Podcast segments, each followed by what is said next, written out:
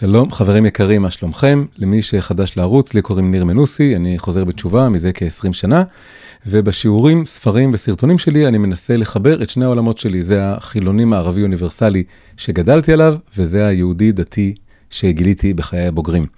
השבוע אני רוצה לייחד את הפרק לדמות שהיא אולי המשמעותית ביותר עבורי במסע הזה אל הגילוי של היהדות, ולא רק עבורי, אלא עבור רבבות של בעלי תשובה בעשורים האחרונים. אני מתכוון לרבי מנחם מנדל שניאורסון, הידוע יותר בכינויו הרבי מלובביץ'.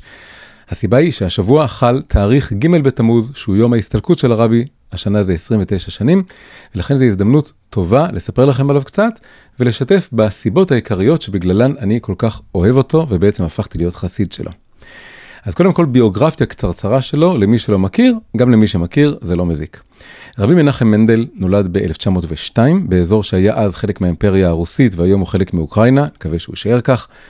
מצד אביו הוא היה צאצא של האדמו"ר הראשון של חב"ד, אבל הם לא היו חלק משושלת האדמו"רים מאיזשהו דור, והרבי גם לא גדל בחצר של האדמו"ר. אבא שלו התמנה לרב בעיר לא חרדית, עיר מגוונת, אז יצא שהוא גדל בשילוב מעניין של בית חרדי, אבל שמשולב בעולם, מודל שהוא בעצם אחרי זה שכפל אותו לגבי החסידים שלו, כשהוא הקים את צבא השליחים שלו. מגיל צעיר הוא היה עילוי, ממש גאון, גם בלימודי גמרא ויהדות, גם בלימודי חול, כמו מתמטיקה. כשהוא גדל, הוא פגש לראשונה את הרבי של חב"ד באותה תקופה, הרבי השישי, רבי יוסף יצחק שניאורסון, והתחתן עם בתו האמצעית, חיה מושקה, והפך להיות החתן שלו. הרבי והרבנית עברו לברלין, שם הוא למד מדעים באוניברסיטה. בשנת 1933, עם עליית הנאצים לשלטון, הוא עבר לפריז. גם שם הוא המשיך ללמוד הנדסה וגם שמע שיעורים בסורבון, תוך כדי שהוא ממשיך בלימודי התורה ודואג לקהילה היהודית שם. ימים ספורים לפני נפילת פריז לנאצים הוא ברח לאזור הלא כבוש של צרפת ומשם לארצות הברית. ושם הוא הצטרף לחמיב שכבר עבר לשם קודם לכן והקים שם את הבסיס החדש של חסידות חב"ד. הוא היה יד ימינו ואחראי על המרכז לענייני חינוך. כשהרבי יוסף יצחק נפטר בתש"י 1950, הייתה אי ודאות תקופה מסוימת לגבי מי מבין שני חתניו אמור לרשת את מקומו, אך בסופו של דבר החסידים הכריעו שזה יהיה הרבי מנחם מנדל, וכך הוא הפך להיות הרבי השביעי של חב"ד. כך החלה קריירה של 40 שנה חסרות מנוחה, שבהן הוא לקח חבורה של חסידים רוסים חרדים, ובעצם הפך אותה לצבא בינלאומי של שליחים, שיוצאים לכל קצוות תבל, לשמש בית פתוח לכל יהודי, לכל דבר, החל מהצרכים הגשמיים, הבסיסיים ביותר, וכלה בלימודי יהדות, כל מה שכל אחד צריך. הרב יונתן זק, זיכרונו לברכה, שהרב הראשי של אנגליה, היה בכלל הוגה דעות משפיע, הוא הגדיר מאוד יפה את חשיבות המפעל של הרבי, הוא אמר שהוא היה המנהיג היהודי הבולט הראשון אחרי השואה, והיה בדיוק התשליל הנגטיב של היטלר, יימח שמו, היטלר. רדף אחרי כל יהודי עד קצוות הארץ כדי להרוג אותו, והרבי רדף אחרי כל יהודי עד קצוות הארץ כדי להחיות אותו, פיזית ורוחנית. הגדרה יפה מאוד. הרבי הסתלק בג' תמוז תשנ"ד, 1994, והוא קבור בבית עלמין בשכונת קווינס בניו יורק, לצד חמיב, ציון שנהיה מוקד עלייה לרגל, ואכן אני מאוד ממליץ לבקר שם. הרבי ואשתו היו חשוכי ילדים, ולא היה אף אחד שייכנס לנעליו, כך שלמעשה הוא הפך להיות האדמו"ר האחרון של חב"ד. ושל אישיותו והישגיו המיוחדים, רבים מחסידיו מרגישים שהוא היה מה שנקרא בחזקת משיח, או אפילו משיח ממש. כאשר יש המאמינים שהוא בכלל לא נפטר, אלא עדיין חי וקיים. מה שבטוח, עדיין חיה וקיימת ונוכחת, היא הרוח החיה שלו, הפועמת בתוך אלפי השליחים שהוא הקים ושלח ברחבי העולם, ובעצם מניעה אותם בעשייה שלהם. גם אני חסיד של הרבי מלובביץ', ואני רואה את עצמי שליח שלו. והנה, שמונה הסיבות העיקריות לכך. סיבה ראשונה, הרבי יצר מודל חדש של יהודי חרדי שפועל ומשולב בתוך העידן המודרני. בלי המודל הזה, אני אישית ועוד הרבה אחרים לא הייתי יכול לחזור בתשובה. הרבי הראה שאפשר להיות נושא הפכים, להיות גם וגם, אבל תוך אחיזה מוחלטת בשני הקצוות. מצד אחד הלכתיות וחרדיות, ומצד שני פתיחות גמורה למדע, טכנולוגיה, מדיה. ובכלל פעילות בתוך העולם המודרני בלי לפחד ממנו. במילים אחרות, ואלו לא המילים שלי, אלא של הרב עדין שטיינזלץ, הוא הדגים שיהודי לא צריך להיות פחות מבן אדם, אלא יותר מבן אדם. לקחת כל מה שטוב ו- וקיים בחברה האנושית, תרבות האנושית, ולהוסיף עליהם את הקומה היהודית. 2.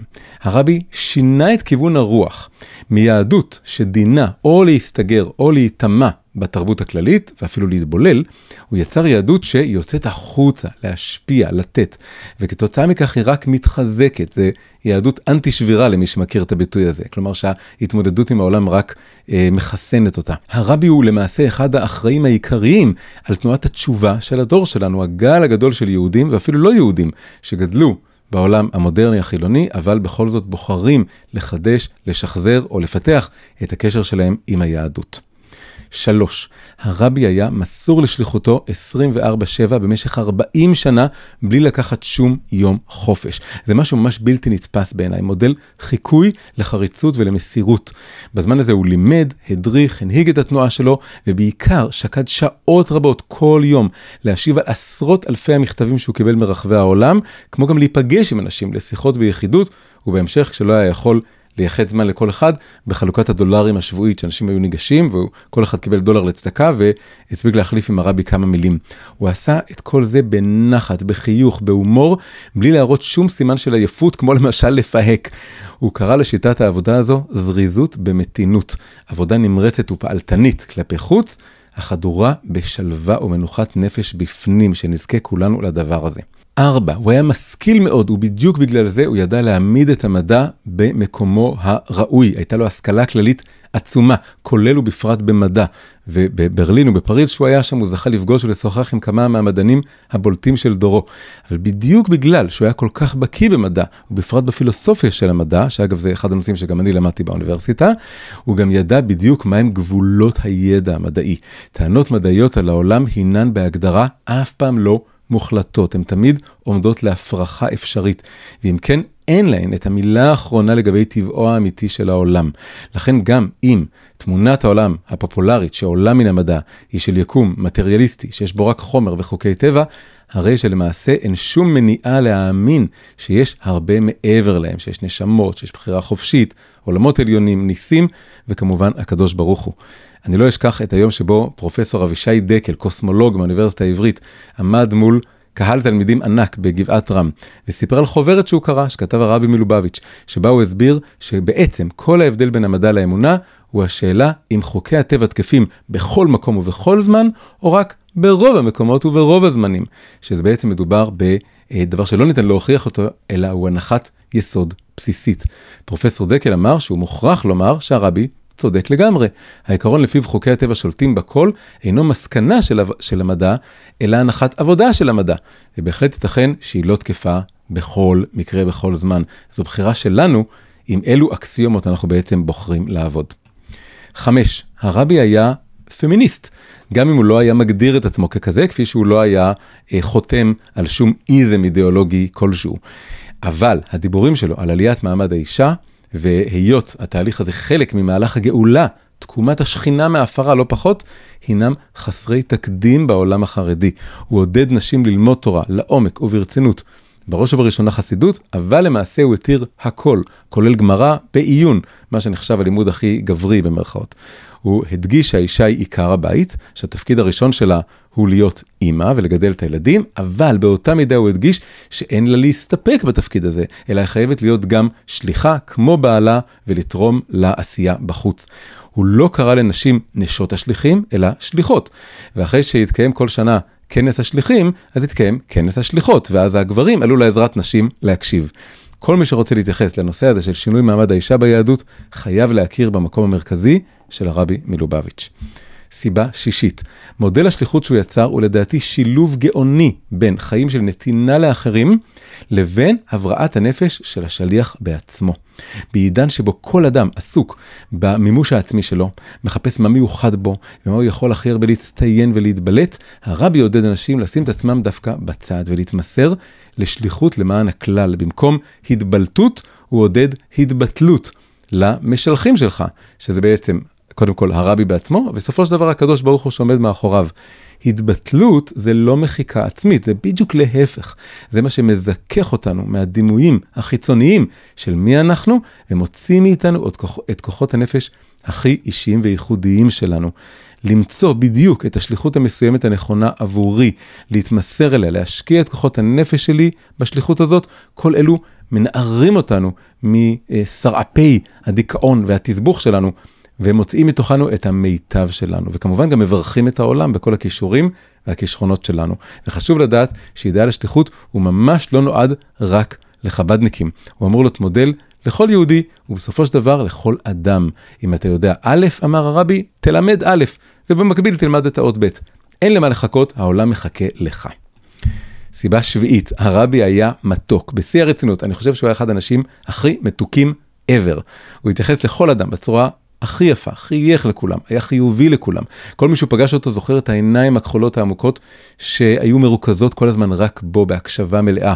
הוא תמיד היה חיובי, הדגיש את הצד הטוב, הדגים איך אפשר לבחור בחשיבה חיובית בכל מצב, כמו הביטוי המפורסם הפשוט שהוא טבע אותו, חשוב טוב, יהיה טוב. בנוסף היה לו חוש הומור מפותח וחיוך שובבי שובה לב. אספר סיפור קצר שמדגים את זה. פעם אחת בחלוקת הדולרים, אישה אחת שהגיעה אליו אמרה לו דבר מפתיע ולכאורה גם קצת מביך. היא אמרה לו, רבי, you're so handsome. הרבי, אתה כל כך יפה תואר. מה הרבי אמור לעשות עכשיו? אם הוא יבטל את דבריה, זה יעליב אותה. אם הוא יגיד משהו כמו, או, oh, תודה רבה, זו מין uh, התפעלות ממחמאה חיצונית, וזה לא שייך. מה הוא ענה? תשובה גאונית ומצחיקה. הוא אמר לה, it helps. זה עוזר, זה לא מזיק. אני אישית חושב שהתגובה הזאת היא גאונית. וסיבה שמינית ואחרונה, וגם די אישית. יום ההסתלקות של הרבי מלובביץ', ג' תמוז, הוא גם יום ההולדת שלי. הייתי אז בדיוק בן 20, לא הייתי מודע באותו רגע למאורע כמובן, אבל בהמשך הבנתי את הקשר הזה, מאז אני מרגיש חיבור מאוד אישי אליו, כאילו אני קצת קשור אליו בחבל הטבור. הנקודה הזאת היא גם משמעותית לא רק עבורי באופן אישי, אלא גם כי הרבי הוא מי שאחראי בעצם על uh, התפתחות של איזה מין מבט חדש שיש ליהודים המאמינים היום, על מה זה בכלל יום הולדת. ברוב הדורות לא ממש ציינו ביהדות את היום הולדת כסיבה למסיבה. להפך, היו אנשים שציינו שהמושג הזה, יום הולדת, בעצם מופיע בתורה רק פעם אחת, בהקשר מאוד שלילי. יום ההולדת של פרעה, שבו הוא אה, מוציא להורג את שר האופים ומשיב על כנו את שר המשקים. אבל הרבי אמר שמול הדוגמה השלילית הזאת צריך להיות דוגמה חיובית. ואמר שיום ההולדת הוא בעצם היום שבו מזלו של אדם גובר, כלומר שורש הרוחני שלו. זה יום של התבוננות פנימה, של חשבון נפש, של קבלת החלטות. הוא גם אמר שביום הזה, חתן השמחה צריך לברך את הסובבים שלו, כי המזל שלו, הכוח שלו גובר, לא רק לקבל ברכות. אז אני רוצה לנצל את ההזדמנות הזאת לברך את כולכם, שתמצאו כל אחד את השליחות שלו, המדויקת, זו שתפורה בדיוק לו, לכישרונות שלו, ויממש את השליחות הזאת בצורה הכי הכי טובה, שתוציא לאור את כל כוחות הנפש שלו, שלכם, ושתממשו אותה בצורה הכי נכונה וטובה, שהעולם יתברך מהשפע שלכם, ויאיר לכם פנים בחזרה. עד כאן השבוע, אשמח לקבל מכם תגובות למטה, וגם, כמו תמיד, אם אהבתם, תעשו לייק, עשו מנוי לערוץ, שתפו עם החברים, ואנחנו נתראה שבוע הבא.